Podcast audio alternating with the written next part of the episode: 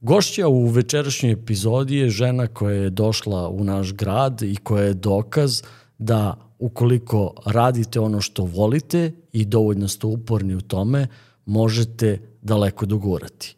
Ona je u ovom gradu krenula od nule i uspela da napravi uspešan biznis. Ona je dokaz da istrajnošću, upornjošću i ljubavlju u onome čime se bavite možete postići mnogo.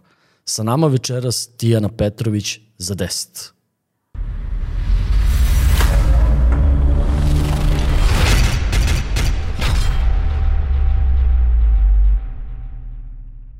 Ćao Tijana i dobro mi došla. Ćao, bolje te našla.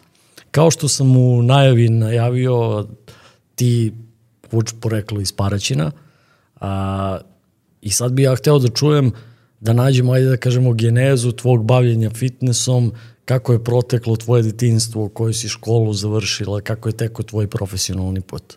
Uf, zanimljivo. Pa uh, da, ja sam um, rodom iz Paraćina, tamo sam odrasla i tamo sam zapravo um, dobar deo svojih navika i, i dobar deo svojih navika stekla. Vrlo je bilo zanimljivo to moje odrastanje jer smo zapravo slični smo neki godina i sećaš se da u vreme kada smo mi odrastali potpuno drugačije izgledao svet oko nas. I um, znači ja sam odrasla u ono vreme kada smo uh, bili puno na polju. I skromni odrastali. O da, puno skromni odrastali i to je zapravo odredilo moj put i ovo gde sam sada. Uh, I uh, vrlo je zanimljivo što smo počeli temu odatle jer definitivno je logičan sled ovog gde sam sada. I, uh, znači, odrasla sam u vreme kada smo mi bili uh, puno na polju, kada smo svi bili negde isti, bez obzira na materijalne vrednosti koje smo imali kući i bez obzira na neke intelektualne vrednosti koje su naše porodice propagirale. Kada su deca u suštini da, motor, motorički mogla da se razvijaju i na ulici. Nevrovatno je to. Znači, I praktično, znači, sve ono svoje slobodno vreme mi smo stvarno živeli za to da budemo napolju i e, tu nije bio nikakav problem razviti svoju motoriku, koordinaciju, jer si se nesvesno bavio raznim sportovima, što da se penjaš, što da potrčiš, što da skačeš, što neke druge stvari. Kradeš kajsiju, mora da, da preskočiš da, ogradu, mora da se popneš na drvo. Upravo to. I ti si se nesvesno aktivirao, motorički si bio vrlo potkovan u tom smislu, a nisi znao da to kao treba da radiš, ko što je to sad situacija danas, da ti nekog moraš da učiš neke osnovne stvari. I um, u to vreme, recimo, nama je to bilo potpuno normalno da, da, da smo na polju i cela ta moja generacija je i dan danas kad se sretnemo mi pričamo o tome kao o najvrednijem delu našeg života i, i zaista i jeste. A ono što je još odredilo moj put je način na koji sam ja e, odgajana, znači kako sam vaspitavana, to je isto bilo vrlo zanimljivo i ja se trudim i dan danas da e, ta načela e, prenesem na svoj posao, da ne kažemo da prenesem na svoje decu. To je danas jako teško. Ali ovaj, u principu mi smo, ja sam od, od, rasla u porodici gde su moje rojice su bili intelektualno prilično visoko i bavili su se svojim poslovima koji su bili u to vreme ja, ja društveno su bili vis, na, na visokim lestvicama, ja to tada nisam znala jer meni to nije plasirano na taj način, nikada u kući nisam čula mi smo to i mi smo bolji od drugih, nego je meni to bilo prezentovano kao to je normalan sled ljudi koji e, rade, studiraju i normalno je da se bave nekim poslom i da su u tome uspešni. Evo, zaista nisam znala da su moji roditelji recimo na, na nekim višim, visokim pozicijama, jer mi to nikada u životu nije rečeno. Znači, odrastala sam u, u porodici gde je rad, um, fizički rad, rad, taj intelektualni rad i um, bio broj jedan, ali bilo kao norm, potpuno normalno. I roditelji su nas uvek aspitavali da moramo puno da radimo i da moramo puno da se trudimo za to uh, što da beremo u životu da bude naš, naša profesija ili vokacija kako god. Uh, I znači e, te temelje e, koje, ja, koje sam ja postavila u svom poslovanju sam stvarno naučila gledajući roditelje, a roditelji su mi bili uzor. I to je definitivno odredilo moj put. I onda, onda treća neka uh, karakteristika, uh, ja sam odrasla u vreme kada je fizičko bilo uh, predmet ekvivalent matematici. I kada si ti iz fizičkog mogao da imaš jedan, isto kao što si mogao iz bilo kog drugog predmeta i legitimno si mogao da imaš jedan. I mi smo se na fizičkom isto trudili kao i na svim drugim predmetima. Znači nije bilo umanjena vrednost jednog predmeta u odnosu na drugi. I um, nikada nismo izbegavali fizičko, nisam imala problem da kažem e, ja danas ne želim to da radim, radili smo onim trikojima, radili smo u opremi za fizičko koje je bilo potpuno sasvim u redu i za mene je to bilo jako, je, jako mi je žao što danas to nije normativ. Ali, znaš šta, znaš... sve što smo u, u to doba probali da se igramo, morali smo da osmislimo. Da. A, ništa ni, nisu bili nisu bili računari ma, barem ne u ovom obliku da, u, da, kom, da, da. u kom su danas i sva igra nam se sve sve nam se svodilo na igre na polju. Tako A otprilike roditelji su nas roditelji su nas videli ujutru, pa za ručak, pa za večeru. Da, upravo tako i, i roditelji su isto i tada puno radili kao što radimo mi sada, ali uh, drugačiji, potpuno drugačiji sistem vrednosti i verovanja u ono vreme i ovo sad, a to sad kad ja pričam deluje kod da ja imam 70.000 godina, a zapravo je to samo... A sad, sad, sad objasniti deci da si imao jedne farmerke i jedne patike za godinu dana, to je onako malo... Da, pritom recimo ja sam bila u situaciji da sam mogla da imam ne znam šta, a nije mi to bilo uopšte važno.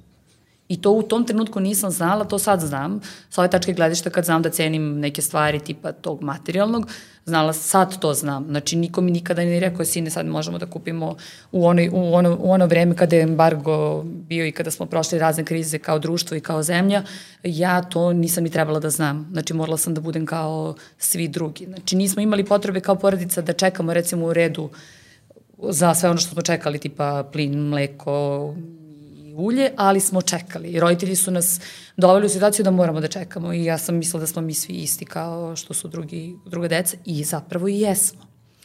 I onda kada sam ta, odga, dobila taj sistem vrednosti, da osnovna načela moraš da gradiš u porodici i da su osnovni uzori tvoji roditelji i da ti on, ono što oni rade moraš da, da poštoješ i ja sam tako dalje krenula kroz život. Dobro, u, u Paraćinu si se bavila sportom? Jesam, zato što su se svi bavili sportom. Kojim sportom? Ja sam razne neke stvari probala, kolektivne, ali to meni nekako nikad nije išlo. Bez obzira, izuzetno sam bila recimo motorički potkovan, razumeš, izuzetno, talentovana sam bila za razne neke stvari, ali definitivno nikada nisam mogla da dođem do izražaja u kolektivnim sportovima. I ja to ne bi ni znala, mislim, to, to sad znam sa ove distance, ali ja to ne bi ni znala da nisam probala uh, um, taj neki prvi oblik fitnessa, to je, u to vreme su počele da se otvaraju teretane, to i zapravo nisu današnje teretane, to je bilo kao neki mali koncept teretana, ali sam ja odmah krenula u te neke teretane, to mi je bilo jako zanimljivo i, ovaj, uh, i u to vreme sam imala i recimo problem viška kilograma što ima 70% populacije adolescentnog doba i to ništa nije strašno, to mi treba da se priča i to treba da se shvati kao. A koju si srednju školu išla? Gimnaziju. Gimnaziju. Da, to je bilo kao ono, ako želiš da ideš na neki faks, moraš da ideš Ok, a čekaj, ceo, ceo period srednje škole treniraš sport ili... Da, išla sam na, na uh, rukomet, to su me kao, striktno sam morala da idem na rukomet, jer je to kao bilo u skladu sa mojim nekim temperamentom i karakterom, a definitivno nije, jer si morao da budeš deo tima, a ja nisam bila nikada timski igrač, uvijek sam bila individualac, izražen individualac. I uvek sam dal, davala svoj maksimum, iz mene si mogu da izvučeš uvek najbolje kad radim sama. Znači, i dan danas je to tako, sama, sad, po znacima navoda, sama. I uh, vežbala sam i atletiku, trčala sam puno, vozili smo, znaš, ono i bicikle, svašta nešto, svašta smo probali, dok ja nisam došla na taj neki fitness. A čekaj, do, do fitnessa dolaziš u Paraćinu prvi put? Ili... Ne, ne, do, do fitnessa sam došla, zapravo na prvi fitness sam otišla kad sam došla u Beograd. Da, Dobro, da, da uh, upisuješ fakultet? Da. A, koji fakultet upisuješ? Upisala sam turizam. Uh, Why? Pa, why? Zato što nemam pojma šta ću sa sobom u tim godinama. Ni, ne znaš uh, gde sebe da nađeš. I onda si se vezao za ono, za profesora koji ti je bio najbliži u srednjoj školi, znači koji sa tobom imao tu konekciju, da bude jako blizak. A to je bio neki moj profesor geografije koji je bio izuzetan pedagog i profesor i meni se svidelo kako, na koji način on nas to uči, pa kao logični sled je bio, aj neću geografiju, nego ću turizam, to je kao... Ono, Ali na istom, na PMF-u jedno i drugo. Da, I onda sam ja tu šetala iz Novog Sada u Beograd, to mi je sve nešto bilo kao ajde da probam tamo, ajde vamo i dođem u Beograd. I tu sam krenula odmah na, na Beograd je već imao te neke fitness dvorane gde su svi vežbali i, i da kažemo da je to bilo vreme, u povoju je to tada bilo. I ja sam imala neku sreću da odem uh, na neki trening koji je vodio u to vreme kultni neki trener u Beogradu i ne znam šta je sa njim danas, ali je u to vreme bio kultni trener i u, to je bila sala m, za fizičko gde se okupljalo milion žena u jednom trenutku. I svi smo radili u nekom ritmu, on je nama vodio trening i ti si sad kad dođeš tamo, Uh, postojao je kao prvi red, pa drugi red, pa treći red, pa tamo četvrti i peti. Ja sam naravno bila u petom kad sam došla. Pre toga, pre toga to smo verovatno mogli da imamo samo u američkim filmovima. Da, stvarno tako bilo. Znači, ja, ja sam prošla tu priču od nekog ko je ušao u salu za vežbanje do nekog koji je vodio milion treninga. Ne, ali e, znaš šta mene, e, mene interesuje? Mene interesuje sad malo ću digresiju da napravim, da se vratimo malo korak unazad. A, kada, kada smo odrastali. Da. Kada smo odrastali, a, ja barem znam sa, sa muške strane gledanja, a, nisi mogao da nađeš slobodan teren za basket. Nisi, naravno. A, če, čekalo, se, čekalo se satima da bi igrao basket. I to ako izgubiš prvu, možeš sutra da dođeš. Da. Slobodno, nema, nema šanse da dođeš ponovo. I postojala su pravila. E, i onda uh, interesuje me kako smo došli do toga, tvoje mišljenje, pa ćemo nastaviti ovu priču mm. o, o, o Beoru, kako smo došli do toga da od te situacije mi danas imamo apsolutno prazna igrališta, ti ne možeš da nađeš ni osobu s kojim ćeš tenis da igraš. Znam. Znači, totalno je, a, totalna je fizička aktivnost pala na individu, odnosno da li ćeš sam nešto sa da, sobom da, da radiš. Ima, ima i gori aspekt smo svega toga. De, mislim, mislim, ja mislim da je, to, da je to povezano malo i sa sa tim da smo se i kao ljudi udaljili. Da, da, ako se sećaš, u vreme, u vreme naših roditelja to su bilo, bila česta svega. druženja, če, često se dolazilo, išlo u goste i tako dalje. Mislim da se sve to smanjilo, da su se ljudi malo udaljili i povukli u sebe i svoje porodice. Apsolutno, ali mislim da je to sistematski Uh, uništavanje pojedinca kroz um, u, u društvu. Definitivno je tako. Mislim, kogod da imao taj cilj uspeo u tome. Znači sad kogod da je, možemo da širimo tu temu, ali definitivno nije, nije tema ove emisije to. Sistematsko uništavanje pojedinca i upravo se krenulo od toga i to je najlakše uništiti pojedinca. Znači, kroz, Obrazovanje, da, fizička aktivnost. Apsolutno, tu ga je najlakše spustiti na taj level da možeš njime na neki način da upravljaš. E sad, kako se to, mislim, to, to je sve jasno. Ajde, ja sada ne uđem u teoriju zavere. Dobro, vraćamo se, vraćamo se u Beograd. Ti, ti u Beogradu, ti u Beogradu... Da, uđem u taj neki, uđem u to neko odobrano društvo. To je stvarno bilo odobrano društvo i ovaj, to je jako je bilo zanimljivo zato što su i tu postojala pravila. Nemaš u prvi red da uđeš i gotovo. Znači, ja sam to kad sam došla, uh, Uh, I tada sam imala... Čekaj, ne možeš u prvi red jer to je po, zauzeto. Zauzeto, kao kupljena okay, su mesta. Zapljuvano. Znači, da. okay. Zauzeto je, razumeš. I ja m, uvek sam bila veliki borac. To je u, definitivno u meni u karakteru. Nekako mi je bilo kao to, ali moraš da poštuješ pravila. Uvek sam, na, naučila sam da pravila moraš da poštuješ. I sada kada želiš da vežbaš tu, ti si novi, uh, moraš da vežbaš tamo negde u zadnjem redu I uh, mene nije interesovalo uopšte da ja vežbam u tom prvom redu zato što kao neko će, neko će da gleda u mene, iza mene ili ja ću kao da budem deo tog establishmenta. Nije me to interesovalo, nego mi je interesovalo šta je potrebno da ti dođeš u taj prvi red. Zašto? Kako? Koliko vremena? I, ali uh, suštinska stvar je se meni to jako dopalo. Taj čovjek je bio centralna figura tog treninga. Nas je bilo milion. Onda u jednom trenutku, uh, pored tih žena, uh, počelo da bude puno i muškaraca. Mi smo bili deo tima, to je nevrovatno.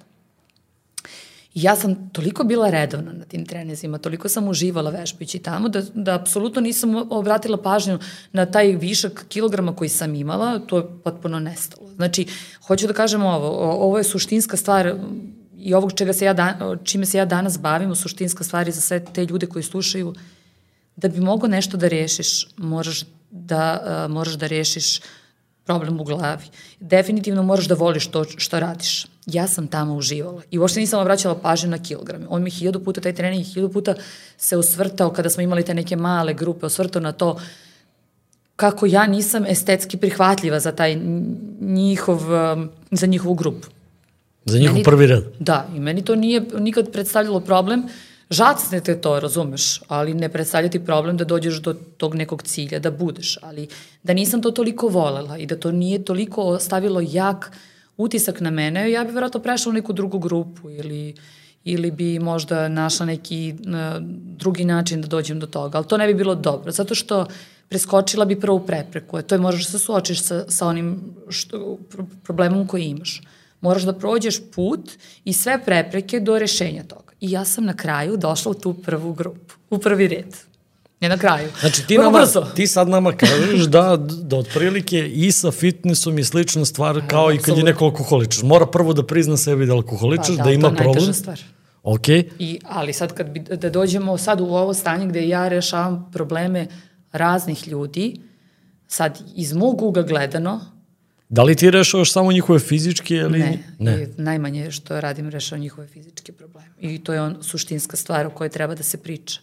I možda sam ja jedina osoba koja o tome priča na svojim onim društvenim mrežama i to vrlo aktivno, vrlo iskreno, što u, u kontaktu sa ljudima sa kojima radim, što evo sad i ovo je fenomenalna stvar da se čuje nešto na tu temu.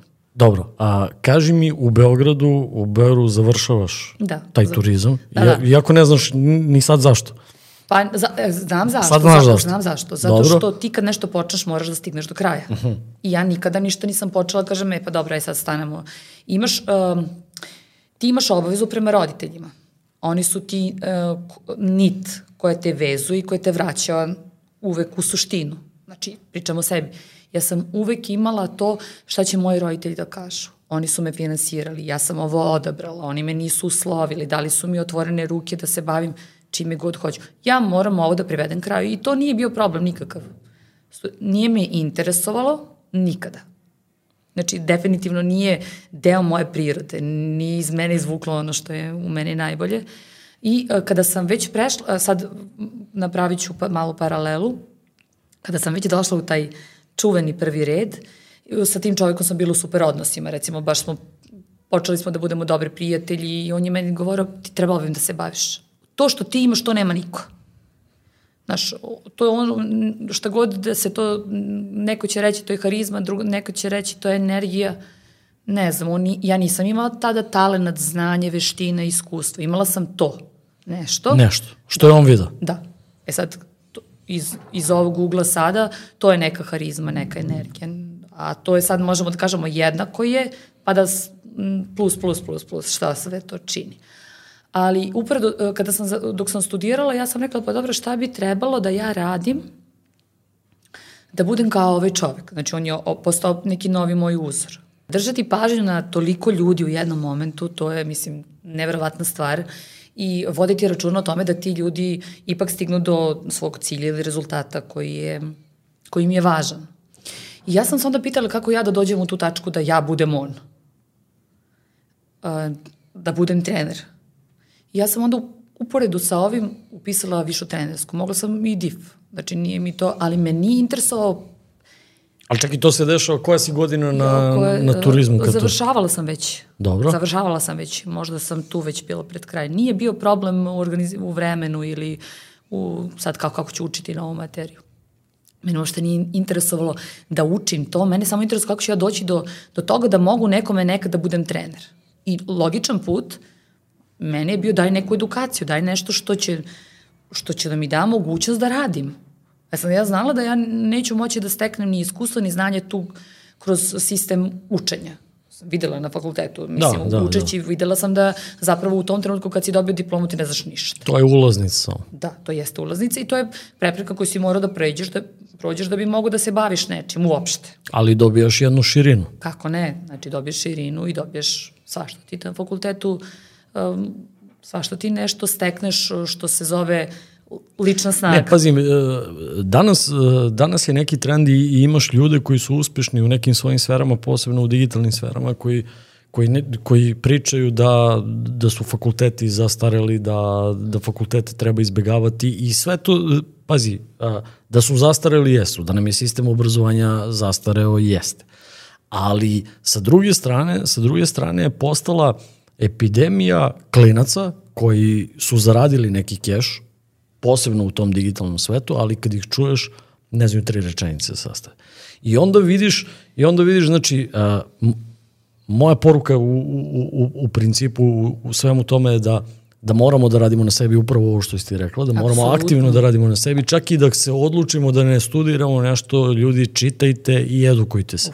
Jer, jer bez toga, bez toga teško da ćete... Ali gledaj sad, uh, opet se vratimo na ono moje. Ako ne postoji u porodici sistem vrednosti koji, koji je utemeljen da. na čelima koji su, znamo i svi kakvi su, uh, meni društvo ne može da propagira šta god hoće. Pa pazi, ja masu ljudi znam koji su završili fakultete zbog mame i tate. Mislim, nisu, nisu završili zato što su oni želeli Jasno. to da studiraju. Ima i, ima i toga, ajde, nekako sam više na njihovoj strani nego na strani ovih koji su rekli, ok, ja neću ništa, samo ja me interesuje živ keš. Nikako nisam na toj strani. Znaš, zato što ti tu uh, kroz uh, učenje, edukaciju i to um, spremaš sebe, uh, svoj identitet pakuješ, sklapaš kockice. Mislim, Jest. to nema cenu, nema, ne, nema, nema para da to plati. Ne. Ali pazi, u, u to vreme recimo ljudi nisu bili svesni šta će doći posle toga, jer, jer su to neki začeci a, i, i u, uopšte uređenju u oblasti sporta. Mi tek kasnije ajde da kažemo, tek 2009. 10. dobijamo, ja mislim, novi zakon o sportu gde, gde, se, gde se traži za licenciranje u svim sportovima se traži visoka škola. I, do tad to nije bilo obaveza. Da, i e, do tad to nije bilo obaveza, to je tačno, ali m, vidiš, onda smo ušli u jednu sferu gde je društvo zapravo sistem dozvolio da može bilo ko da se licencira. Jeste, Zato jeste, što je, bilo I to, to je bila ogromna greška, ali dobro, mislim, i, i to se sve očisti kada dođemo do, dođemo do suštine i svi ti ljudi koji su izabrali licenciranje umesto edukacije, iskustva i rada su da, danas tu gde jesu, a ovi drugi su tu gde jesu, mislim to, ali ajde pričat ćemo i o tome. Uh, ono što sam ja izabrala je, ajde kao da prođemo kroz neku edukaciju, neću na DIF jer me ne interesuje uh, profesorski posao, interesuje me kako da dođem u tačku da budem nekome ja trener. Učeći, ja sam samo... Čekaj, to je ova viša škola na, na Slavi tamo? Da, da, to je ona de, Deli, Deli, to, baš okay, na Slavi, okay, da. Okay, da. Baš na Slavi. Okay. I učeći, tu vrlo brzo sam prošla kroz te neke, taj kratak put do diplome i odatle kreće, ja sam smatrala da nemam prava da radim sa nekim ako nisam naučila neke osnovne stvari. A ti u tim godinama, mislim, ono, ti u tim godinama ne, m, teško da možeš na fakultetu bilo šta nešto da shvatiš i da kroz te knjige nešto učiš koliko možeš kroz iskustvo i u radu sa, sa klijentima uopšte u radu. A na kraju se sve svede na to. Da, teško, evo sad iz ove, iz, sa ove tačke gledišta. I onda vrlo brzo nakon toga sam ja sticajem životnih okolnosti morala da dođem u Zaječar, u sredinu gde ja e, nisam znala nikog. Znači, na ulici nisam mogla nikome da kažem zdravo ni dobar dan. Nisam znala, prosto nisam znala nikog. I, a u tom trenutku je trebalo da počnem svoju priču. I odmah si se zaljubila u Zaječar, da se razume. Pa nisam baš. Recimo, nisam odmah. Sad to gledam iz druge vizore. Nisam da. odmah. Um, ja sam već tada u, u to vreme u Beogradu uh, krenula da kao da radim, da menjam neke trenere, da, da, da budem na raznim nekim trenizima ta figura koju ljudi prate i onda u tom trenutku sam morala da dođem ovde, znači sve se to ruši i moraš da kreneš iz početka u nekom, u nekom gradu. Od nule. Da, od nule, u nekom gradu gde te zaista ne znaju. I uh, kako sad ja da prezentujem svoj rad, uh, nije bilo drugog rešenja nego krenuti bukvalno od nule. I ja sam sad tu pitala razne neke ljude koje sam u tom trenutku poznavala, kako mogu da dođem do neke sale gde bih mogla ja da radim. Znaš, nisam imala ni neke ne znam kakve neke ni poznanstva i uh, došla sam do jedne tu neke sale u centru grada gde sam radila par godina i neverovatno je, jedna stvar je neverovatna, kako su uh, ti termini koje sam ja objavila da su da, imala sam neki nastup u tom trenutku u, u, na nekoj televiziji i bila je neka zanimljiva emisija koja je pamtim zvala se Moj grad i ja sam se tada kao neko novo lice pojavila. Uh, jedino Inače, što... emisija na Zaječarskoj televiziji koja e, pa nažalost da, nema više. Nažalost. Nisam samo znala da kako, kako beše televizija da, da se zvala. I ja sam samo uh, pojavila se kao neko nove, novo lice Ja mislim da je jedino što je mene u tom trenutku izdvojilo iz, iz mase ljudi koji su u tom trenutku Zaječaru radili neki fitness, način na koji sam ja prezentovala svoj rad i način na koji sam ja razgovarala sa tamo nekim potencijalnim klijentima ili ljudima. Ja sam se njima na neki način obratila. I o, vrlo brzo nakon toga o, te sal, ta sala je bila puna. Pa nije bilo dovoljan jedan, pa su bila tri termina. Dobro, ali čekaj, ajde malo samo. Ajde, samo. kako, kako kažeš. Pazi, ti, ti dolaziš u Zaječar, Dobro. udaješ se u Zaječaru Da. i a, krećeš od nule. Pritom, ja mislim da, da, da gledalci a, treba da znaju i slušalci da a, ti ni jednog trenutka ne tražiš pomoć porodice. Ne, ne. A da, to, jer to si, hoćeš da se vratim na tu temu. Jer si rešila da prvo dokažeš sebi da možeš to da Tako je, radiš, tako je. da bi zatražila. I sa kojim se sad peripetijama uh, susrećeš što se tiče sale u Zaječaru, mm Mhm. -hmm. prvenstvo? Pa to sve zanimljivo. Uh, ajde da, da, da kažem to što je možda i odredilo taj put. Uh, znači, ja sam odrasla u porodici gde su roditelji mogli u svakom trenutku da mi priušte nešto što um, bi mi skratilo ovaj put. Znači, ajde, ja stvarno uvek suptilno i vrlo, vrlo um, nekako uh, stidim se da pričam na tu temu, zato što smatram da na, znači, nekako to... Ok, ma nije ne moramo da pričamo o, o, o toj temi. Pa da jednostavno, kažem- jednostavno oni su mogli da ti pomogu. Mogli su, okay. realno mogli su, i, ali sam ja negde smatrala o, o, da bi možda trebalo da puno radim i da im pokažem svoju volju i želju i da oni shvate da ja stvarno imam neki kredibilitet da bi oni mogli da mi pomažu. Nisam Odnosno- želela da mi pomognu u tom trenutku. Odnosno Nisam- da, da dokažeš, a i sebi da dokažeš, ja mislim da si pronašla sebe u nečem. Da, da, da. Ja sam znala da je to, da je, da je to posao koji ću ja da radim. Znala sam da je to nešto čime, čime ja želim da se bavim. Uh, ono što sam uh, dobila kao amanet kad sam pošla iz te njihove roditeljske kuće je da to što izaberem da radim u životu, moram da se trudim da budem najbolja. I ja sam, um, nikada nam mi nije recimo rečeno računaj na nas, šta god ti treba, nego je rečeno trudi se da budeš najbolji u, šta, u, u tome što, što izabereš da radiš. I ja sam smatrala da tako skakajući sa stepenice na stepenicu, menjući gradove, menjući uh, fakultete, da na, nekako, nikako nisam uspela da im dokažem da sam došla u tu tačku koju su oni želeli. Jer je sad malo da radim, da vidim gde će to da me odvede i koliko sam ja zapravo sposobna da, da budem to što želim. I uh, kažem, ta, uh, ta sala je recimo gde sam radila bila je puna, ali uh, niko recimo ne zna, a čak ni ovi ljudi sa kojima danas sarađujem ne mogu da shvate da sam ja zaista krenula od nule. Iako to nisam morala. Ja, uh, recimo, nerado se vraćam na tu temu, zato što je vrlo teško objasniti nekome danas, jer oni svi gledaju tebe danas, i svi te gledaju kroz neke materijalne vrednosti i kroz, um, kroz neke vrednosti koje, koje imaš danas. A to, je Kro, potpuno, kroz trenutni status. a to nije u redu. Ok. Zato što da, si, da bi došao u, u neku tačku morao si da pođeš iz neke tačke, znači možda pređeš neki put. I ja sam recimo u toj sali radila za 15% 100% zarade. I radila sam dugo za tih 15%. Čak nije bilo ni 50-50. Ni, ne. A moji uh, treneri koji su radili u moje sali, uh, kada sam došla do, do trenutka da imam svoju salu, ja sam rekla ne, ja ne želim da neko radi za 15%. Ja ne želim da neko bude u onoj situaciji u kojoj sam bila ja. Radit ćemo 50-50. I znaš da sam tu pogrešila? Ne znam. Evo i pogrešila sam. Znači, ali to objasnit ću zašto sam pogrešila. Ajde, idemo polako. Uh, bo- boreći se za svojih 100%, ja sam prošla taj put. Znači, da sam dobila m, 50 odmah ili da sam dobila 100 onih koji su roditelji mogli da mi daju, nikada ne bi došla ovde gde sam sad. Možda ne bi imala salu, to hoćeš da kažeš. Da, nikad ne bi došla u, u ovu situaciju u kojoj sam danas, u kojoj sam danas, a to je, to je sad već, mislim, doći ćemo i do te situacije, ali Znači, radila sam, ono što je najvažnije, radila sam za tih 15% kao da su 150.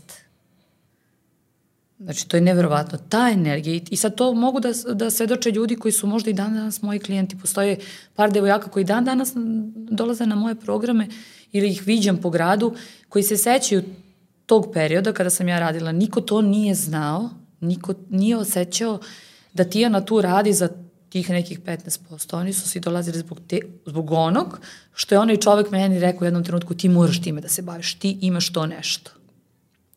I ja sam te treninge radila kao da je, to je znači da je to na život i smrt. Znači, to je bio highlight mog dana.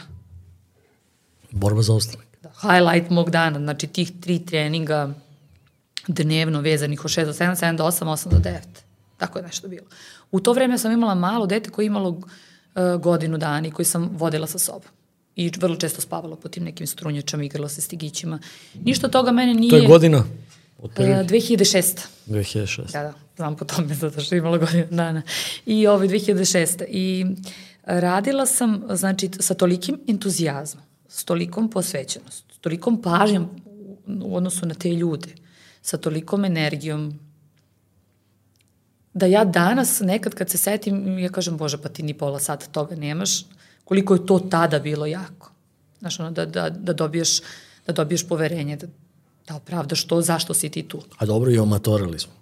To, to, to sigurno. Ali, i eto, to je tako krenulo. Sva, sve te sale u kojima sam ja radila i svi ti programi na kojima sam ja radila su bili izuzetno posećeni. Onda sam ja krenula da, uh, sticam okolnosti, da radim u tenisu, koji u to vreme bio ekstra popularan. Znači, fitness je uvek bio deo mog posla, ali sam širila svoj, svoj, svoje delovanje. Znači, krenula sam da radim u tenisu, radila sam sa mladim teniserima i um, odlazila na razne kampove. I već sam krenula da, da radim razne kampove, što u Srbiji, radila sam par kampova u inostranstvu. Tako se prosto tako se desilo. Dobila sam i pozive da radim razne neke kamp, inostrane kampove. Proširio se broj ljudi sa kojima sam sarađivala. Ko sa, proširio se odmah i broj ljudi koji, si, koji su videli tvoje veštine, koji su na neki način želeli da, da, da to plate. I uh, proširila se mogućnost da steknem novo znanje. I ja sam upijala uvek, gde god sam radila, ja sam upijala uh, kako to drugi ljudi rade, i stvarala sebi nove veštine. Znači, nikada, to, nikada nisam razmišljala i čak i u prvih par godina nisam razmišljala kroz novac, nego sam razmišljala, ajde što više veština da steknem i što više znanja da dobijem. Da bi naravno to znanje mogla što lakše da, da koristim u svojim programima. I od, dugo sam radila u tenisu, tu, tu sam prošla razne neke faze. U principu radila sam to neko kondicioniranje, spremanje mladih tenisera, svašta sam tu nešto prošla. A, um, znači, eto, to, to sam htjela da kažem, širilo, širilo se moje znanje van fitnessa. I sad, um, razne neke probleme sam tu, to smo rekli da je vrlo zanimljivo, razne neke probleme sam naišla uh, baveći se fitnessom u Zaječaru. I to mi je jako teško padalo uvek, I, jer uh, svi ti problemi su uh, dolazili od ljudi koji su se bavili sličnim poslom ovde. I to je za mene neverovatno to podmetanje nogu ili uh, izvlačenje onog tepiha ispod nogu ili uh, sueta ili ego, tako ne, to, to je nešto što je za mene bilo potpuno nepoznanica, pogotovo što sam ja došla na, u teritoriju gde nisam znala nikog. Imali ste puno prednosti u odnosu na mene, je li tako? Znači imali ste puno prednosti ljudi koji su radili, imali ste puno prednosti, ako ne, onda ste imali bar uh, 100 metra ispred da trčite u odnosu na mene, znači, i zašto vam ja predstavljam problem ili, ili pretnju, to je meni bilo potpuno neverovatno u tom trenutku. I dan danas nisam načisto sa tim stvarima. Pa male sredine generalno nije, nije to samo vezano za zaječar, ja mislim da je to vezano uopšte za ljude i za, i za male sredine i da se u malim sredinama uspeh uh, teško prašta. Da, i, i to kao, eto, bavimo se istim poslom, ali uh, bavimo se istim poslom, ali sad je ona kao ima više uh, klijenata ili ona je uradila to i to. Uh, nebitno je, moraš da shvatiš da svi imamo prava na, na, na, na svoj put. A moj put je bio vrlo specifičan zato što je um, nikada nije bio vezan za koliko će Tijana ostvariti prihoda na kraju od fitnessa, nego je bilo iz ogromne ljubavi i želje za dokazivanjem sebe u tom poslu. E sad mene interesuje tu kada Kada si ti presekla i rekla, ok, kupujem prostor uh. krećem sama? Pa, iz te prve sale su me praktično, na kraju te sezone, praktično su rekli sala više od sledeće, nemoj da računaš na salu od sledeće sezone. Ja sam to nekako nisam mogla da shvatim, ja sam bila lojalna na tom prostoru i odana kao i deo mog karaktera. Ja nisam mogla da shvatim, rekla sam, gospod Bože, šta ću ja sada? Znaš, kao zatvorila su mi se jedna vrata. Onda sam pitala jednog prijatelja da mi nađe neku drugu salu i on, on mi je pomogao da nađem neku drugu salu koja je bila mislim, ispod tog nivoa. Dobro. Ali ni, nisam imala drugi, drugu uh, varijantu, osim da, uh, da se priključim toj sali, da radim tu, a da ne, ne gubim svoju nit sa, sa treninzima, sa sobom i sa tim ljudima prema kojima sam imala ogromnu odgovornost. Uvek sam imala tu odgovornost prema klijentima. Koliko god da ih je bilo nekada malo ili više, uvek sam imala ogromnu odgovornost. Čekaj, u fitnessu postoje pauze, zimska, letnja? Kod mene nikad nije postojala. Nikad. Ja nikad nisam napravila pauzu. Dobro. Nikada. Evo, upravo, evo iz, iz onda, ovog. onda to jeste veliki problem kad ostaneš bez sale. Da, veliki problem.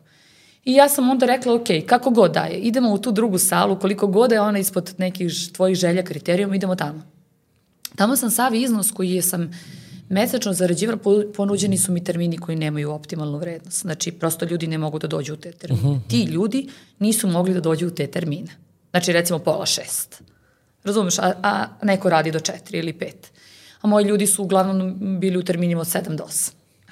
Znači, pravimo neku paradigmu da, vidi, da se prosto vidi e, kako sam morala da, da se izborim sa tim. Znači, omlac ti se smanjuje broj klijenta koji može da vežba u tim nekim terminima. I ja, ja sam shvatila, ok, radit ćemo ovu sezonu samo da održimo to tvoje poslovanje, da održimo tvoju vezu sa tim ljudima, da, da održiš vezu sa sobom, da radiš ono što voliš. Da, jer ti ako godinu dana odustaneš od toga i od sebe, prosto život će da te povede u neki drugi put. Ja nisam želela da odem drugim putem. Ja sam želela da idem, ja sam videla svoj cilj. Dobro. I smatrala sam, ok, evo još jedna prepreka na tom putu, moraš to da izdržiš, moraš to da moraš da ostaneš doslovno sebi svojim programima i u toj sali sam radila isto kao da mi je kao Ko, da je, koliko ostaješ u toj sali? Pa, Bogu hvala, sedam meseci. Dobro. I? Sedam, to, to, je, to je bio stanje očaj i mislim, ljudi u toj sali su neki ljudi potpuno nemaju veze sa, sa poslovanjem, niti sa preduzetništvom, to je neverovatna neka priča. Uh, tu je radilo još par nekih trenera koji su, mislim, naj, uh, jedni od uh, najloših ljudi koji sam ja u životu upoznala i mislim ono prosto neverovatno. Svi su mi nekako svi su mi nekako uh, postavljali laktove i noge u tom trenutku i dobro sve se to nekako istražalo prošlo i to vreme ja sam rekla ok u principu sva vrata su mi bila u tom trenutku zatvorena. I ja sam rekla, ok, sad si, sam, sad si sama, sad možeš da kreneš dalje sama. Ajde da ti nađeš svoju salu koju, će, koju ćeš moći da koristiš 24 sata i gde ćeš ti da budeš jedina odgovorna i moćeš da krojiš svoj dan. Znači, krenula si u nešto da, da iznajmiš, da rentiraš na mesečnom. Da. Dobro. I imala sam svoj biznis plan. Dobro. To nije bio biznis plan koji sam mogla da dam svojim roditeljima, da ga oni apliciraju, bio je moj biznis plan. I oni to i dalje ništa ne znaju. Znači, oni dalje misle da ja radim to zato što ja to tako volim i da je to sve super. Niko ništa ne zna. Ne zna da se ja borim sa raznim nekim problemima. Znam samo ja. Znaš šta je najvažnije? Ne znaju ni klijenti. I oni dalje, dalje u meni vide taj entuzijazam, osmeh, tu harizmu. Ja nađem, isto preko nekog prijatelja, nađem neku malu salu u Ljube Nešića kod jednog fenomenalnog čoveka, Gagija, i mi smo divno sarađivali nek, narednih četiri godina. On je bio, imao puno razumevanja za moj posao i za glasnu muziku i za gomilu ljudi koje je prošlo kroz tu salu. I um, ja sam uh, tada, da, preskočila sam mnogo važan korak. Uh, u vreme kada je, mogu da se vratim? Može. Na remote. Uh, ka, u vreme kada je, dok sam radila u tim salama, ja sam upisala uh, koleđ koji je u to vreme bio jedan od najboljih koleđa na svetu, to je američki koleđ za sportsku medicinu. I uh, kako sam došla do toga, uh, zapravo sam shvatila da moje želje su neverovatne i da ja jednostavno moram da prevaziđem te neke limite koji mi se nude u tom trenutku. I ja sam tražila um, od nekih prijatelja koji su živjeli u Americi rešenje šta bi bilo dobro ako ja želim da odem odavde iz, iz zemlje, šta bi bilo dobro za mene kakav, kakav bi to stepen edukacije trebalo da, da bude. Oni Što rekli, bi ti bilo pre, priznato preko? Da, da. Dobro. I oni su rekli, moraš da odeš, dali su mi neka t, tri um, koleđa, I rekli su ovaj je A+, ove drugi su B i C, recimo tako da kažemo, kategorije. Sva tri su priznata, sva tri su američka i sva tri, su, sva, sa, sva tri možeš da radiš. Ovaj A+, koji je bio, uh, sa njim imaš kredibilitet da ne, tvoje usluge ne može da plati niko manje od toga. Znači, treneri tog koleđa, recimo, e, pa rekli su neku cifru u tom trenutku. Ja sam rekla, ok, idemo na taj American College za sportsku medicinu. I ja sam aplicirala, Uh, college sam, uh, sam uč, materijal sam učila na engleskom i uh, ja sam 2013. to završila. Ja sam bila prvi trener na Balkanu koji je ikada aplicirao i završio taj A čekaj, kako su se polagali ispiti? Online ili? Online, s tim što, kad, e sad ide ono, začkoljica, kad, online je okej, okay, to sve nije nikakav problem, ali e, u onom trenutku kada e, dobiješ taj sertifikat koleđa, ti moraš da skupljaš poene i taj sertifikat, sertifikat ti ne znači ništa ako ne skupljaš dalje poene kroz kongrese, seminare, znači, webinare. licencu. Što više tih poena imaš, ti si uspešniji. Manje ti je potrebno, manje ti je potrebno da odlaziš na ponovnu resertifikaciju, već si kao dovoljno si, dovoljno si slušao, dovoljno si čuo, dovoljno si sedukao da, da ne moraš to da radiš. I ja sam već u to vrijeme, to je bila 2012. krenula da, da 2012. 2000, da, 2012. da puno učim i da radim na tome. Radila sam jedan posao do 4, e, fitness e, ono, do 8, 9 i učila sam noću. Učila sam noću, koristila sam sve slobodno vreme na tom poslu koji me nije interesu uopšte da, i da učim. A šta si radila? Pa to je bilo u turističkoj organizaciji vezano za, za onaj turizam o kome smo pričali. Znači to... I uh, vrlo brzo su mi i tu zatvorili vrata jer je politička promena je bila u u gradu i onda se taj kadar nekako menjao, zatvorili su, otvorili no, novu organizaciju, došao je neki drugi kadar, što je potpuno legitimno i okej, okay, nemam s tim nikakav problem. Zatvorili su mi, da mi oni u tom trenutku nisu zatvorili vrata, ja nikada ne bih počela da se bavim ovim ceo, ceo dan, razumeš, smatrala sam kao sada imaš sve vreme ovog sveta da radiš ono što si cijelog života želela. I u tom trenutku, znači, završila sam taj koleđ, bila sam prva na Balkanu koja je završila taj koleđ i uh, krenula sam na te edukacije. Intenzivno sam krenula da putujem i da, da pohađam te seminare. U tom trenutku nisam bila spremna za kongrese, pošto to je kao, moraš da budeš na višem nivou da bi mogu da slušaš to. I visoke su cene tih svih seminara. I um, otvorila sam tu malu salu u Ljubenešića. Dobro. I uh, u to trenutku uh, svo moje okruženje je bilo protiv toga da ja mogu da ostvarim tu priču koju sam ja zamislila. Govorili su mi to u Zaječaru nikad neće moći da proći to što ti želiš. Ti želiš nešto što prevazilazi okvir ovog grada. Ja stvarno se nisam sa tim slagala uopšte. Znači, meni to nikakvu logiku nije imalo. Da ljudi u Zaječaru ne mogu da rade po svetskim trendovima sa trenerom koji ima neko ozbiljno iskustvo ili ogroman entuzijazam zato što žive u Zaječaru. I zato što je kao platežna moć ovde ovakva, a sad kad pređemo neku granicu drugačije, ja, ja to nisam mogla da shvatim. I ja sam svoju priču samo vukla napred. I došli smo do trenutka da je ta sala od ujutro do uveče bila puna. Puna. To je toliko ljudi prošlo kroz tu salu. Ja sam toliko iskustva stekla rajeći sa tim ljudima, pričamo o te četiri godine, to je neverovatno ja sam imala tu integritet da radim, odlučujem, radim i kombinujem sama i, i, i, to je bilo neverovatno. Znači, bilo, mogu si da ne radiš kao lensi, a mogu si da radiš od 9 do, ne znam koliko radila sam nekad od 9 do 22. Znaš, to je bilo stvarno sjajno vreme, puno toga me naučilo, puno ljudi je prošlo kroz te sale, kroz tu salu, a mnogo više sam učila ja od njih nego oni od mene, iako to oni nikada nisu znali. Um, u sve to vreme sam išla i pohađala te ozbiljne edukacije. I uh, u to vreme sam završila i neku komercijalnu edukaciju koju sam smatrala da mi, čak mi, mislila sam, ok, treba mi jedna komercijalna stvar, ne mogu samo da se bavim naukom, čitav, čitav svoj život. Ajde da radimo, da vidimo šta komercijalni fitness traži od mene kao trenera. Znači, želela sam sve da dam svojim klijentima.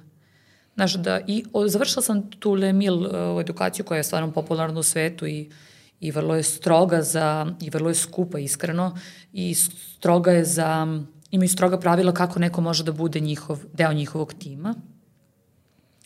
I ja sam uh, tri meseca odlazila svakog petka na predavanja i, na, uh, i vraćala se nedelju. Znači, uh, petak uh, ono, rano ujutru za Novi Sad i vraćala se nedeljom i tako to je trajalo, trajalo, trajalo, trajalo. I ja sam ušla u taj njihov svet. Naravno, to nije sporno uopšte. Znači, šta god sam počela, ja sam nekako to smatrala da mora da se dovede do kraja. Ja sam ušla u taj njihov svet, dobila sam ogromno znanje, ne, neki malo širi smisl svega toga. Gledala, gledala sam konačno fitness iz onog ugla kako komercijalizovati fitness. Preduzetničko. Da. I ja sam tada otvorila sebi oči izra, onako malo šire I sve to meni, mene odredilo kao osobu, ne sad samo kao trenera, nego neko ko već kao može da vodi svoje neko malo poslovanje. I? I um, ti uvek voliš kada ja pričam privatne stvari. I evo ovako, i uh, baveći se, u to, radići sa puno ljudi u toj sali, znači upoznala sam mnogo ljudi koji su me upoznali sa mnogo ljudi. I u tom trenutku upoznala sam jednog sjajnog čoveka, koji mi je posle postao partner u poslu i, i koga sam izabrala za, za, za svog saputnika u životu. Znači, upoznala sam Ivana koji mi, koji je, koji mi je rekao u jednom trenutku ja nikada nisam upoznala ženu koja, neko ko toliko nešto želi, ko ima toliku energiju i toliko volju i toliku želju da se bavi nečim i toliko ljubav prema tome, ja to nikada nisam, daš, kao kad može čaša da pukne od te energije, koliko, koliko ja to nešto želim ili volim. I kajde da nađemo način da, da, da ti dobiješ svoj prostor, da ostvariš svoj san. A moj san nikad nije bio kao, ajde da imam svoj prostor i da mi je bio san, mogla sam to da tražim mnogo koraka unazad, da mi se kupi sala. Nije mi to bio san, ja sam samo imala san da se ovim bavim profesionalno i da, da, da, da, ljudi, to, da ljudi to vide. Ajde kao da nađemo prostor da kupiš svoj prostor i da radiš to na način na koji je dostojan tebi, tvog znanja i toga što ti nudiš. I mi smo krenuli u tu neku kao potražnju za prostorom i prostor se dogodio. Nismo ga mi tražili, čovjek je našao nas. I što je takav splet okolnosti, ona zarez za zarezom, došli smo do čovjek je ponudio nama taj prostor u kome ja sada držim taj spektar fitness I mi smo, ja sam tada prvi put u životu, to je možda ono što je zanimljivo, obratila se roditeljima rečima, ja, da li možete da mi pomognete? I objasnila im u kojoj sam ja fazi sada i zašto tražim njihovu pomoć i kakvu na, pomoć želim. Pričamo o kojoj godini? A, sad ću, reći ću ti, to je 2017. 2017. Znači to je otprilike 11 godina nakon dolaska u Zarič. 11 godina nakon dolaska i nakon te neke... A kako, kako je nastalo ime Spektra? pa to je zanimljivo. Mislim, ja kad, kad smo pričali, ja sam ti rekao na što mene to asocira. Na, onako... na, na, na negativnu asocijaciju protiv koje se bori James Bond. A, tako što me jedna izuzetno draga osoba povela da, a, na jedan izuzetno zanimljiv sastanak, a to je bioskop i taj film. James Bond protiv Spektra. A taj neko me asocira na James Bonda, a ja sam kao, a ja sam ovaj drugi deo Spektra. Aha. I meni se, cija, i to je bila potpuno privatna priča, kada ste, smo tražili ime, meni je stalno bila asocijacija na, na taj događaj. Znači ima veze sa James Bondom? Ima veze sa James Bondom. Taj neko mi je asocira na James Bonda, a ja sam kao, o, kao ja sam ona, ona meduza što se razlije i kao onaj, ona Spektra. Eto, zanimljivo je, potpuno je privatna priča, pa sam ja tako i nazvala uh, jer da nije bilo tog, tog filma i tog zanimljivog sastanka ne bi bilo ni spektre u ovom obliku kome ona jeste sada, ne bi bilo ni tog prostora. I to je neki kao neka mala oda i počast toj osobi koje, bez koje stvarno ne bi uspela da stignem ovde gde, gde, gde jes. I eto tako, kupili smo taj prostor, taj prostor smo opremili, imali smo neograničen budžet. Znači mogla sam ali sam uvek imala kontrolu nad, nad tuđim novcem u tom smislu, razumeš, što postoje dve osobe koje su mi pomogle da dođem dotle. Znači imala sam kontrolu šta bih mogla i šta bi trebalo za početak, pa ajde da vidimo koliko će moje poslovanje da ide daleko i koliko ću moći dalje sama da, da redizajniram taj prostor ili da ulažem u njega. I to je bilo fenomenalno iskustvo, razumeš. Imaš nešto, moraš da, da, da poštoješ te okvire i moraš u tome da posluješ. Spektra je od početka do dana današnjeg gradila punim kapacitetima. Znači bez stajanja. Da, da, punim kapacitetima sa uvijek je traženo mesto više i od tada kreće on, od tada zapravo od, iz tog novog prostora kreće jedna nova jedna nova era za moje poslovanje i jedna nova, jedna nova sfera u kojoj ja radim, a to je ozbiljen rad sa ljudima i rad na njihovim problemima. A to je ono o, o čemu posebno hoću da pričamo, jer a, definitivno ste, ajde da kažemo, na, na zaječarsku, ajde da nazovemo sportska, ne mora baš fitness scena, ali da. na, na zaječarsku sportsku scenu ste donali nešto, nešto novo. A, da li to bile sportske povrede na, mm. na čijem saniranju radite? Da li su to bili deformiteti ljudi da. na, na, na kojima takođe radite? Individualni treninzi? A, nešto definitivno što se do tada na, ajde da kažemo, zaječarskoj sceni, verovatno u Beogradu to odavno da. se radi, ali na zaječarskoj sceni nije postojalo. I onda, verovatno tu sad ide i ona priča tvoja kad, kad su ti neki rekli to u Zaječaru, u Zaječaru da, da to, da, to ne može, jer, proći. jer individualni trening, mislim, mora i da, da budu i platežno sposobni ljudi da bi, da bi izgurali individualni pa, vidiš, trening. Uh, uh, E sad, samo, samo mi, da, da, da završim, da završim misao. Ono što, ono što mene interesuje u, u, u celoj toj priči, interesuje me a, koliko vas trenutno ima u timu, a, koje sve tipove treninga radite u Spektri, mm -hmm i koliko imate ljudi sa kojima radite trenutno? Pa, trenutno radimo Miloš i ja taj trenerski posao. Miloš je dečko koji je uz mene učio posao i mislim trenutno sam u situaciji da ja njega ne, za neke stvari pitam koliko je on duboko ušao u, u materiju. Odlazili smo i na seminare zajedno i svašta nešto smo prošli. Um, trenutno radimo nekoliko programa. Jedan je samo vezan za rekreativno bavljanje fitnessu, ono, to je, to je onaj grupni fitness kada, sa kojim sam počela. I ja nikada nisam htela da, da ovaj, um, koliko, koliko redova ima kod tebe? Pa dobro, uvijek je puna sala, sad više nema, nema, ne, nemamo taj koncept, zato što ja sam sklonila to što bi možda nekome trebalo, da, moglo da smeta. Smatrala sam da svi treba da budu isti na, na treningu. Dobro. I imamo, znači, taj koncept koji je mene, uh, kojim sam ja počela i jedan takav trening u toku dana. Imamo neke personalne, većina naših uh, termina su personalni trenizi, ali uh, već, uh, ostatak treninga je rehabilitacija i ostatak dana poslovnog je rehabilitacija povreda, rehabilitacija nekih deformiteta, neka teška bolna stanja i online usluga koju radimo već neko vreme. Znači, um, puno toga radimo u spektri, a sve je vezano za čoveka i njegovo zdravlje uh, i edukaciju šta je važno u, uh, bavi, kroz baviti se sportom. Znači ja sam neko ko nikada nije propagirao estetiku na taj neki površan način i nikada i neću.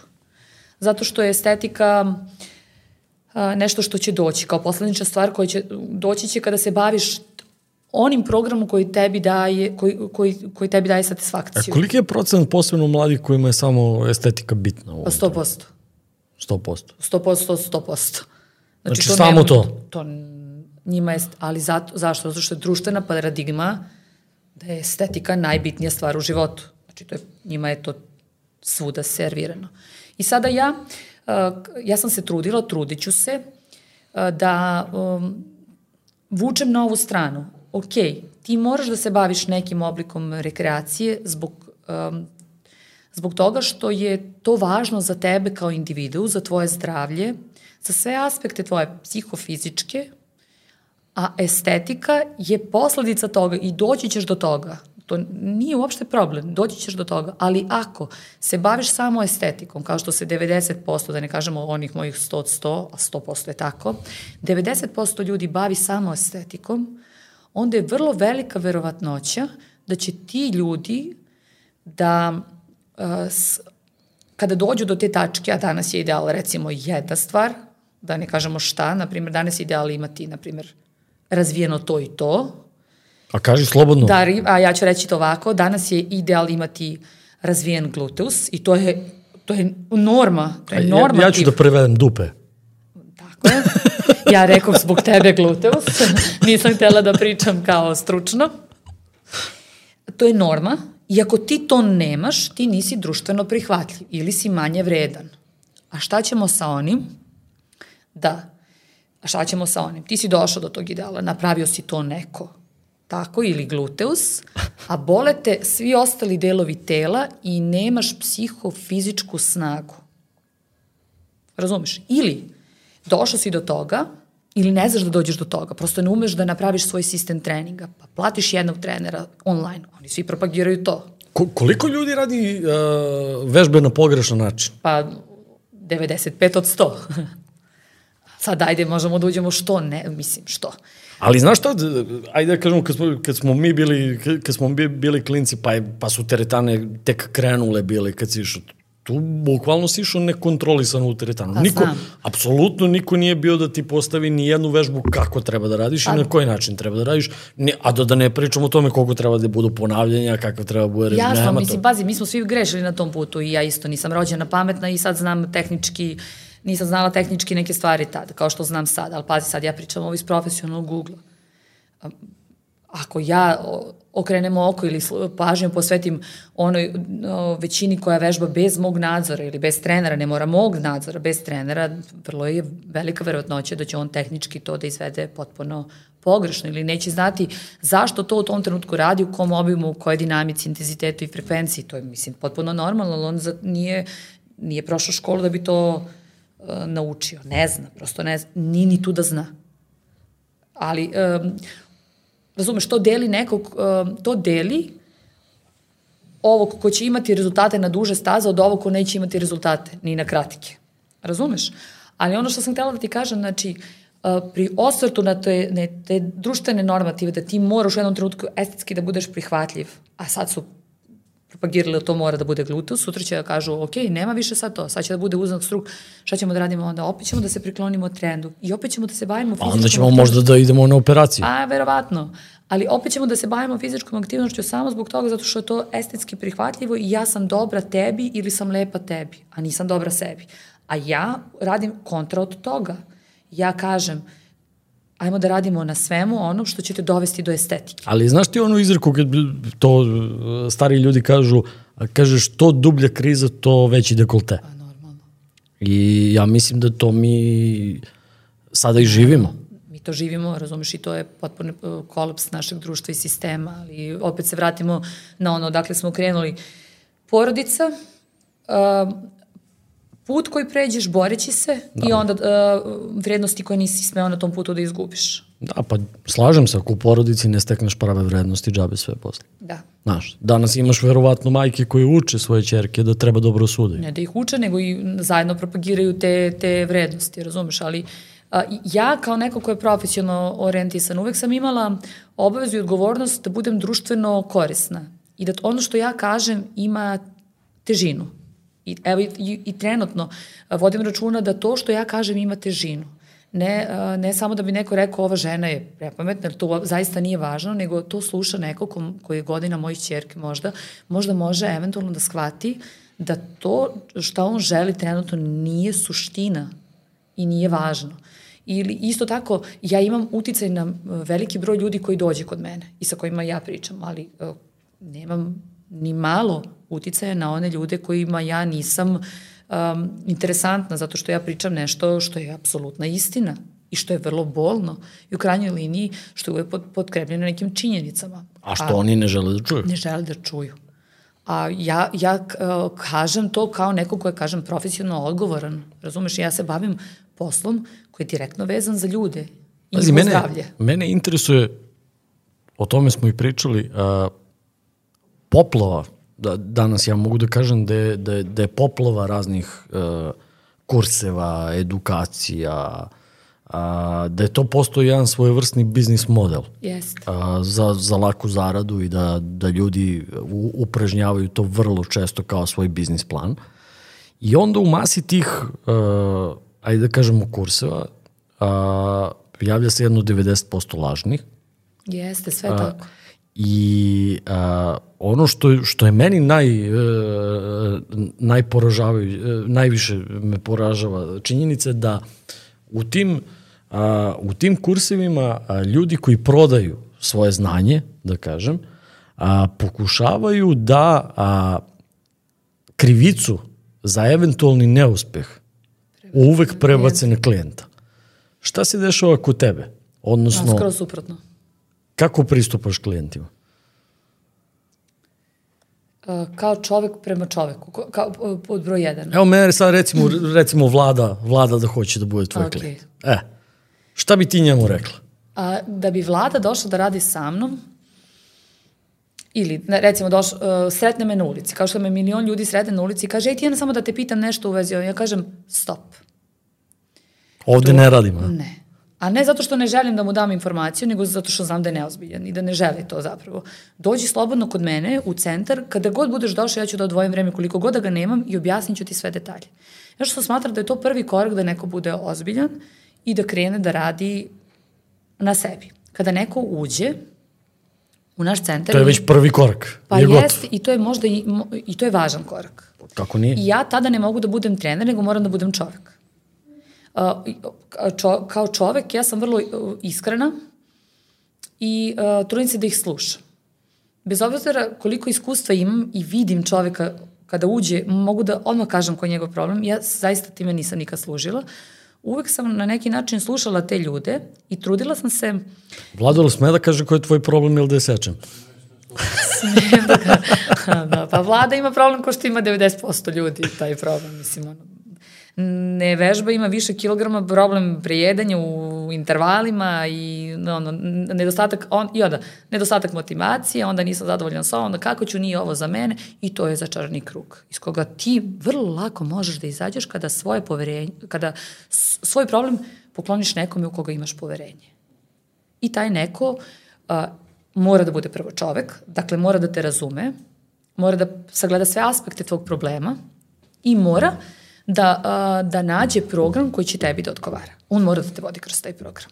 Pazi, znači, vlada i ti dođete u istom intervalu kod mene, nemate različite, nemate iste ciljeve, nemate isti put i nećete imati uh, i nećete imati uh, isti cilj. Program. Da, nećete imati isti, ne, prosto je nemoguće. Vi ćete da radite uh, isti ili slične vežbe. To je definitivno te, telo dizajnirano da radi iste stvari u različitim ravnima, ali nećete da imate, čak ni moj pristup prema vama neće da bude isti. Znači, čovek radi sa čovekom, a ne trener sa klijentom. Na, na kraju krajeva ja jesam trener, ti jesi klijent, ali ja sam čovek i ti si čovek. E, znaš šta me interesuje? Interesuje me recimo, kad, kad, kad smo već pokrenuli ovu priču, interesuje me da li si imala neke, a, ajde da kažemo, ekstremne klijente gde, gde, gde je trebalo da se radi, da, da se radi na dosta na smanjenju telesne težine. Odnosno, da li su ti se pojavljivali klijenti sa a, propratnim efektima, odnosno mm -hmm. zdravstveni, zdravstvenim problemima, srce, pritisak Naravno. i tako dalje. Šta, e, da si uspela da ih ubediš da treba da rade, da su skinuli kilažu i da šta se desilo sa njihovim Nisam ih ubeđivala, pustila sam ih da poveruju da mogu. Dobro. Jer da sam ih ubeđivala ne bi me verovali. Ja sam Uh, uvek se trudila da moj program uh, vodi uh, ka tome da prvo steknu, prva stvar koju moraju da steknu, to je kontinuitet i potrebu da dođu u zakazano vreme. To je ono što je moj autoritet uglavnom radio bez da sam se trudila. Znači, ono što sam izgradila, autoritativne sam u odnosu na klijenti. Znači, plašite oni, se. Hajde da kažem, mogu da, možemo tako da kažem, a mislim da me se ne plaše, nego prosto imaju poštovanje prema meni. Dobro. I oni, uh, i, I oni imaju krize, neću da dođem, hladno mi, nije mi dobro, ali dođu zbog mene. Kada prođemo tu fazu, onda oni, ja se trudim da oni steknu neko samopouzdanje ili samouverenje da mogu da rade to što... I kada oni vide da oni mogu da rade neke stvari za koje su svesni da mogu, onda njihov put gotov. I onda mi dođemo do tačke da izgube te kilograme. Ali naš cilj nije gubimo kilograme, gubimo kilograme, mi sad merimo se, merimo. Ne, ja kažem, nema vage, nema obima. Ajmo prvo da ispratimo ova dva aspekta. Kad ispratimo ta dva aspekta, zavisi od mnogo faktora koliko će to da traje. Idemo u tu treću fazu. I onda kažemo, aha, vidi koliko smo kilograma mi zapravo izgubili fleksibilno se baveći ovim programom. Ne razmišljajući o tome, ne stvarajući tenziju između mene i tebe, tebe na tebe. Jer moram da ti kažem jednu stvar, a o tome se nerado priča, čovek i vežba. Ne, rad, ne program, ne ja. Čovek vežba taj program. Program je mrtvo slovo na papiru. Čovek mora da ga proći, a on mora da ima dve stvari. Mora da bude dosledan, to jest mora da ima neki kontinuitet i mora da veruje da može. I to je, to je najveća, uh, najveća vrlina dobrog trenera izvu, da izvuče iz tebe ono što ti nemaš, a on, a on mora da nađe to. Naprimjer, vlada je mrzovoljan, nema kontinuitet, ne želi da vežba, ko što svi ljudi ne u startu to ne žele, ne veruje da može. A ti to moraš da izvučeš iz njega, da bi on došao u fazu da dođe do rezultata koje je želeo. Jer on smatra da si ti njemu prodao uh, uh, alat za rezultate. I to jeste na kraju krajeva. Ali put kojim ide mora prođe ova dva da bi došao do, do, do rezultata. I to je greška većina trenera zato što oni u ljudima gledaju onu, onaj, onu, onu prase sa dolarom. Znaš, a ja... Džakšić. Da, i to je, to je greška ovih koji, si, koji smo malo pre pomenuo, pomenuli koji se u fitness uključuju zbog biznisa. Razumeš? A ja sam uvek gledala I dan danas gledam. Nema to uvek. I dan danas gledam, aha, ušao je čovek s problemom. To je sad već i moj problem.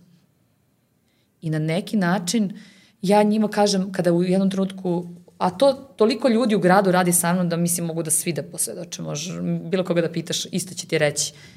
A oni kažu, čoveče, pa ona moj problem svata više kao nje nego kao moj. I ja kažem, sad nismo, sad nisi više samo ti. Sad smo ti i ja. Sada sam i ja deo uh, toga. Znači sad su ovo i moji rezultati. I onda oni kažu, uh, čoveče, razumeš? Ali stvarno je tako, ja to pa nisam rekla kao floskulu, razumeš? A ne, pa sutra dan će neko kaže, vidi, ona je radila s njima, gledaj, ništa nije urađeno. A šta misliš kako sam došla do, do ove situacije da, da ljudi traže, da dođu i bore se da, da rade sa mnom, ako nisam imala to svakog trenutka u sva, kada sam imala jednog klijenta, rekla sam pa čekaj od ovog čoveka će troje da čuje dobre stvari o meni. Ako budu negativne, čuće 21. Znaš šta, ali, ali uglavnom, on, ono na što smo mi navikli kao potrošači, a, smo navikli da kvalitet uglavnom pada. Aha. Te, teško, te, te, uh, redke su situacije gde se, gde se kvalitet održava ili povećava. E vidiš, kod mene malo drugačije, iskreno da pričamo, zato što ja sam svesna gde živim. I stvarno svesna sam, izabrala sam tu da živim gde živim i svesna sam da moj jedini sinonim za moje ime ne treba da bude uh, ništa drugo osim kvalitet. I ja sam svesna svega, prošla sam stvarno mnogo, uh, mnogo faza da ja znam kako je to lako izgubiti, kako je lako izgubiti poverenje, kako je lako izgubiti i bila sam u fazi kada me je poneo i uspeh i kada sam bila i gorda u poslu, stvarno prošla sam i kroz te faze, ali postojalo nešto što me uvek vraćalo na zemlju, stop, stani. Oni su te doveli tu gde jesi, da sad možeš da radiš, da biraš s kim ćeš da radiš i da naplaćaš svoje usluge. O, o, o, mislim, ajde sad da ne pričamo, to je potpuno, nije kulturno da se o tome priča. Vrati se, stani na zemlju i radi onako kako, kako si radila uvek. Bilo je situacije i bilo je puno situacije kada, kada nisam bila 100% ja. Ali sam se uvek vratila i rekla tim klijentima, ok, sorry, moja greška, ajmo sada bila sam uvek čovjek. Vraćala sam se uvek u, u nogama na zemlju i priznala sam svoje greške. I većina tih ljudi sa kojima sam radila su završili neke moje programe i sa njima sam uvek u dobrim odnosima i danas kad se sretamo pričamo najnormalnije. Znači nemamo nikakve negativne utiske jedni od, dru, od drugima. A kaži mi, uh, mnogo se u poslednje vreme priča o, o post-covid depresiji. Uh. -huh. A, da li se to primećuje i i u vežbanju, odnosno koliko je ljudi sa tim problemima. Sa tim problemima. Pa kao što i ono što smo pričali sistemski izazvano, tako je bilo i sve ovo sistemski izazvano da se pojedinac izloži strahu i, i da u strahu odlu, donese neka rešenja koje su mu bila prezentovana i mnogo ljudi je bilo u strahu tokom cele te epidemije u strahu i u strahu su izabrali rešenja da nema sunca, nema kretanja i da su tu gde jesu da piju sintetičke vitamine i da ono, naš, što manje mrdanja, ako može, što manje kontakt. I nakon toga je m, bilo sve više i više problema i meni su se javljali ljudi koji, znači u, u većoj meri je onih klijenata koji imaju depresiju i koji su anksiozni, koji imaju nekakve probleme sa sobom i sa psihom i uh, ono što je posle covid dramatično, a to je porast ljudi koji imaju problema sa bolnim stanjima kičme, leđa, kukova i te glutalne regije u ovom drugom aspektu kao funkcionalne regije koji jednostavno ne znaju šta ih je snašlo. I onda sam ih ja, ja sam čak u jednom trenutku radila vrlo zanimljive stop stresu radionice nakon toga. Sam praktično usluškivala te ljude. Baveći se njima, ja sam usluškivala njihove strahove, probleme, njihove izgovore i uh, uvijek sam se trudila na neki svoj način profesionalni da uh, svojim angažmanom odgovaram na to. I mi smo, u, ja mislim, sedam u nizu odradili tih radionica, da pokušamo da vratimo ljude, ljudima, zajednici, suncu, kretanju, antistres terapiji, hladnoći, izlagali smo ih stresu u nekoj meri, učili smo ih da dišu. Možda ne, da misliš... pa, pa, pa pazi, definitivno, definitivno je na, na, na ono otuđenje koje smo pričali u, u prethodnom delu emisije sad došlo i ovo gde, koje je još više otuđilo ljudi. Jasno, sve, mislim, kažem ti, sve je bila sistemska stvar, ali opet kažem, imali smo svoj lični izbor, pitanje našeg ličnog intelekta i krajnjoj liniji opredeljenja, šta smo želi u tom trenutku za sebe. Ja, ono što sam iz profesionalnog primetila da, da je dosta ljudi nije odolalo tom trendu, sedi kući, ćuti, nemoj da mrdaš, pi ovo i onda su na kraju krajeva došli do toga da su imali ozbiljne probleme. Mi smo posle COVID-a imali na desetine slučajeva ljudi koji su imali neverovatne probleme, bolna stanja. Što je najgore, počela su deca sve više i više da imaju takve probleme. Koliko su česti deformiteti kod deca? Užasno mnogo. Ja ne znam kako ćemo moći, ja ne znam, daću sve od sebe da, da se ovom temom više bavim, ali evo sad, to je fenomenalna prilika da se o tome priča, nigde više ne znam da će iko hteti o tome da priča, koliko je važno da se napravi sprega između zdravstva, zdravstva škole i nekog kao što sam ja. Ne moram da budem ja, nek bude neki drugi stručnjak. Uopšte ne mora da ide na moju adresu. Uh, Uh, jer uh, bez, o, bez te sprege nećemo moći da rešimo ovaj problem. To su ipak naša deca. Ne zato što je moje ili tvoje, to su naša deca. Ta, naša deca treba da dođu u ovaj grad da rade sutra. Ja bi to tako gledala. Oni treba da budu kadar koji treba da vode ovaj grad, a ne da ih kao baš me briga neka odu u neku Ameriku, tamo takvi kljakavi. Ne, daj da ih osnažimo da, da da budu nama mene, dobri. Mene stalno zanima u, u suštini, kako smo došli do toga od jedne, ajde da kažemo, a, pa zdra, relativno zdrave populacije, fizički pričam zdrave populacije, a samim tim ajde i, i mentalno zdrave da. populacije, da. smo došli do toga da da sada već razmišljamo na neki način o motoričkim poligonima u školama i tako dalje, koji, koji nam definitivno trebaju. Deca su, deca su motorički uh, dosta zaostala u odnosu na prethodne generacije. Danas. Mislim, trudit ću se sad da ono, da ne izleti iz mene taj bes u odnosu na sistem, ali ako da neki roditelj dovede dete kod mene koje praktično ne zna da, ne zna da, bara, ne zna da hoda, ne zna da, da ne pričamo o tome da ne zna da potrči. I onda krenemo, ja uvek subtilno u razgovoru sa tim roditeljima pitam šta je radilo to dete do tada? Znaš šta je odgovor? Pošteđeno je fizičkog. A znaš šta, ima tu, ima tu dosta toga da, da, da su se nama i, i, i sportske aktivnosti deci promenile. Čast, ja, ja kažem čast izuzecima uh, u našem gradu, čast izuzecima, ali uglavnom, uglavnom ovo što si ti rekla za, za, za pare, to je, to je uslovi za, i za treniranje nekog sporta. Pazite, ako uzmemo ovako u, u obzir da je m, a, moj centar sinonim za kvalitet i da kvalitet uvek košta, a, ajmo da sklonimo mene sa strane. Roditelji imaju puno izbora skloneći tu, tu spektru. Ne moraju da rade sa njom. Imaju puno izbora, a ja bi uvek krenula od baze. Daj, pusti ga tamo neka trči nešto pusti ga negde kolektivno, pusti ga na te negde sportove tipa uh, judo ili neke borilačke veštine gde, razumeš, mora da nauči da primi, da vrati, da se skloni, da se bori. I to su osnovne stvari kako bi došao u, u, u situaciju da bude motorički pod... Pusti ga kad je mali.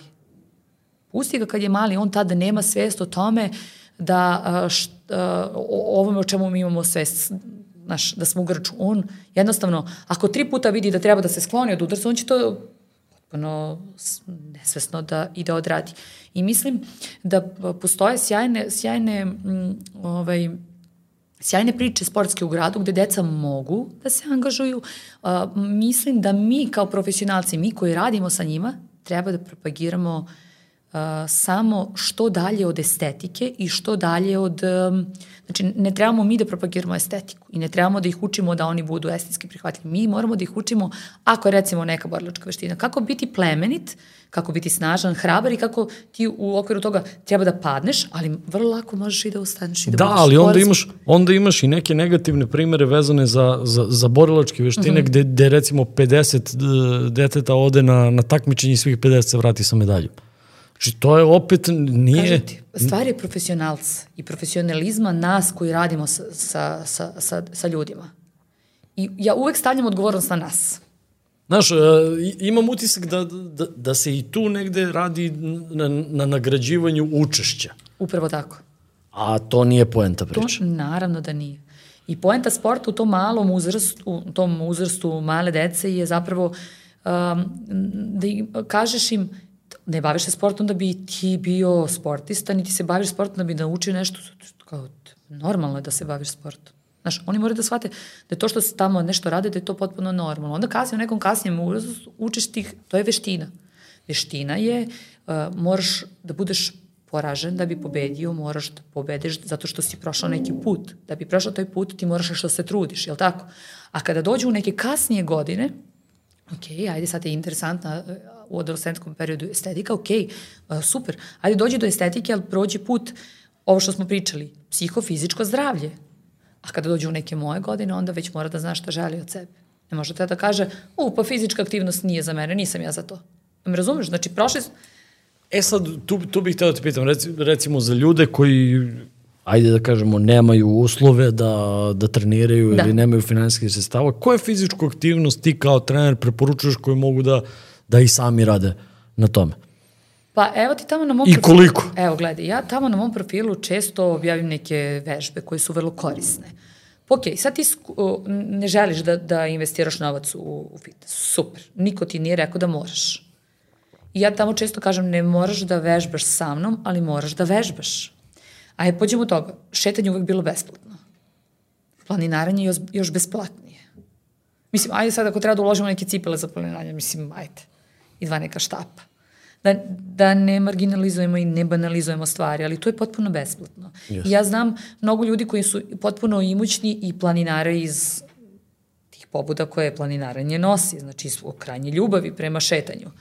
Hoću ti kažem, ništa to nije nešto skupo nećemo da idemo ka trčanju, jer većina ljudi ne bi trebalo da trči bez neke... Jer ne zna. Pa nešto ne znam, zato što ne razumeš kao puzi da bi hodao, hodao i da bi, tr, da bi trča, razumeš? Nemaju čime, trče nekakvim koščicama i nekakvim, da ne kažemo, nose sa sobom nek, ne, gomilu viška kilograma i onda im to dodatno stvara neke probleme koji ne znaju kako da reše. I opet dođu do onog da nešto kao moraju da plate.